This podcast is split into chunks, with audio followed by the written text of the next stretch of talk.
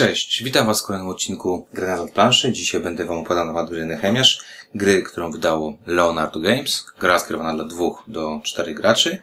Mm, Czas rozgrywki to około 60 minut. Grę mm, autorstwa Łukasza Woźniaka, polskiego autora gier planszowych. Co skrywa to y, pudełko? Jak się gra w grę? W pudełku otrzymujemy po pierwsze bardzo dużo kart.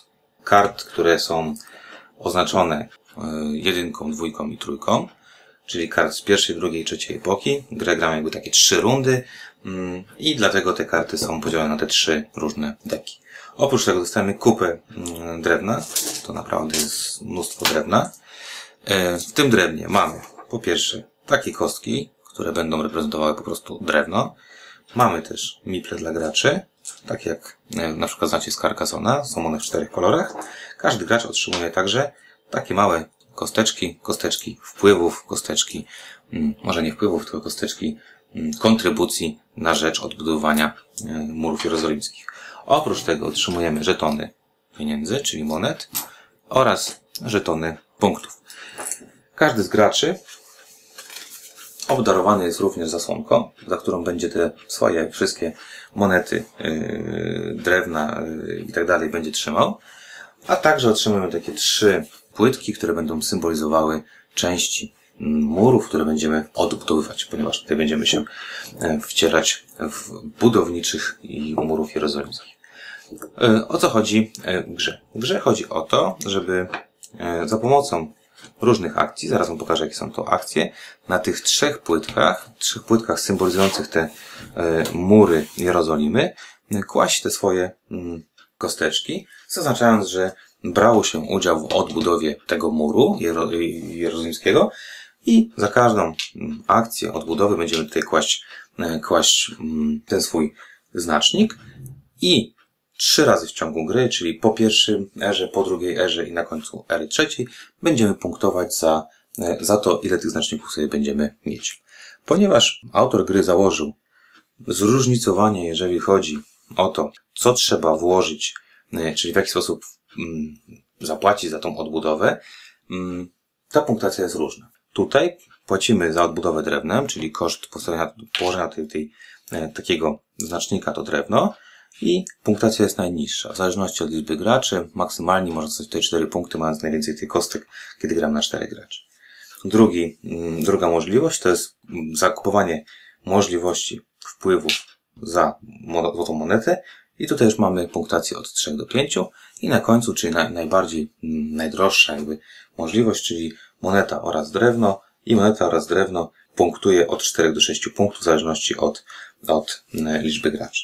Wygląda to w ten sposób, że mm, na koniec takiej tury liczymy sobie, czy też patrzymy sobie, kto ma najwięcej tutaj tych, najbardziej się wpłynął na, na odbudowę danej części murów i na przykład w grze trzyosobowej zielony otrzymałby 4 punkty, czerwony 2 punkty i żółty punktów 1. Takie liczenie e, punktów robimy 3 razy, na koniec gry, kto ma najwięcej punktów, wygrywa grę. W jaki sposób natomiast, i po co nam te miple i to wszystko? Miple są nam po to, że będziemy je stawiać na kartach. Ja najpierw, najpierw Wam pokażę kartę, a później wytłumaczę, w jaki sposób e, e, będziemy je stawiać.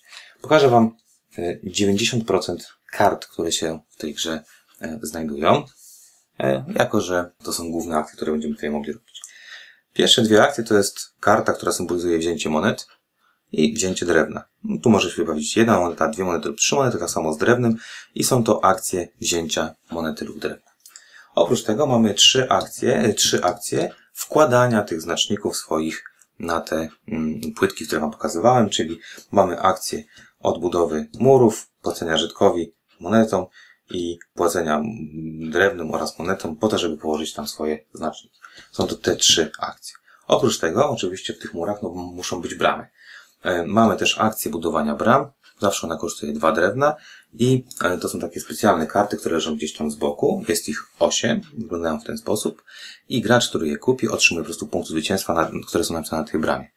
Dwie pierwsze mają dwa punkty zwycięstwa, trzy kolejne trzy punkty zwycięstwa, trzy ostatnie cztery punkty zwycięstwa. Czyli budując taką bramę, będziemy mogli zdobywać dodatkowe punkty w tej, w tej grze.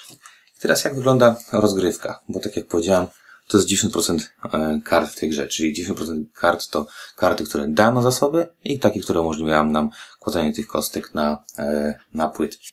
Oprócz tych kart mamy też karty akcji specjalnych, ale tak jak powiedziałem jest ich niewiele i każdą z nich trzeba jakby rozpatrzeć, jak będzie się pojawiała w grze. Rozłożymy teraz grę na, na cztery osoby.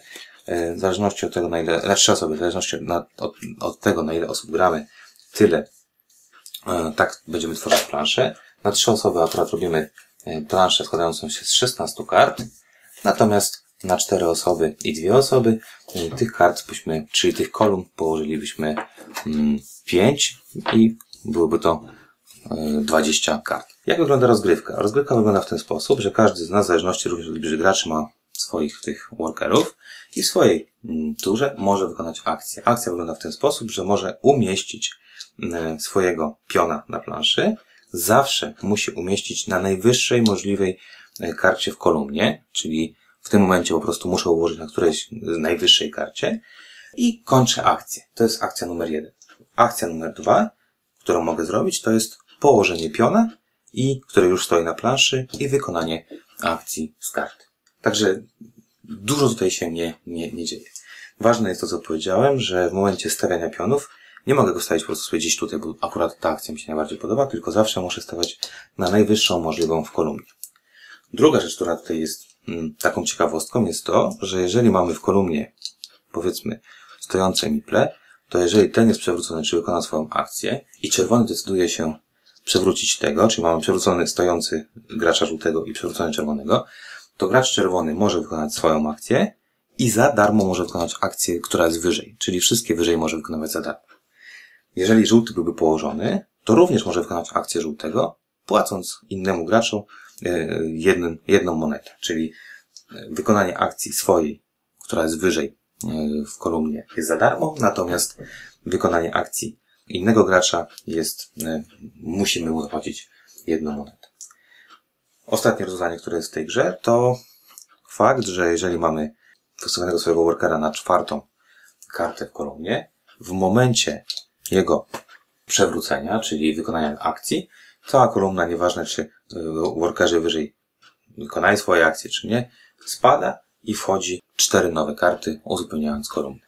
W ten sposób gra posuwa się do przodu i tak jak powiedziałem, na koniec pierwszej ery, potem drugiej i trzeciej będziemy punktować, czyli trzy razy będziemy sprawdzać, kto ma najwięcej, kto najbardziej się e, tutaj e, jakby dołożył do odbudowy tychże, e, tychże murów Jerozolimy.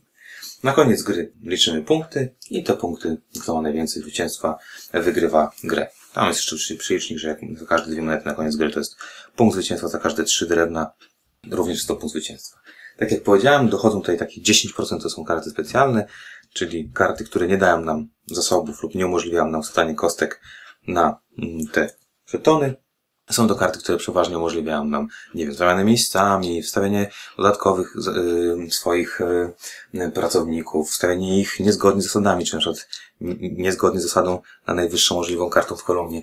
Także są to takie karty, które będą troszeczkę modyfikowały tą, tą rozgrywkę. Oprócz tego mamy wersję, jeszcze wersję zaawansowaną, w której mamy specjalne karty przywódców. Są to karty, które dają nam pewne zdolności, mm, zdolności natychmiastowe, zdolności, które możemy wykorzystać w swojej y, akcji, w akcji czy kogoś innego.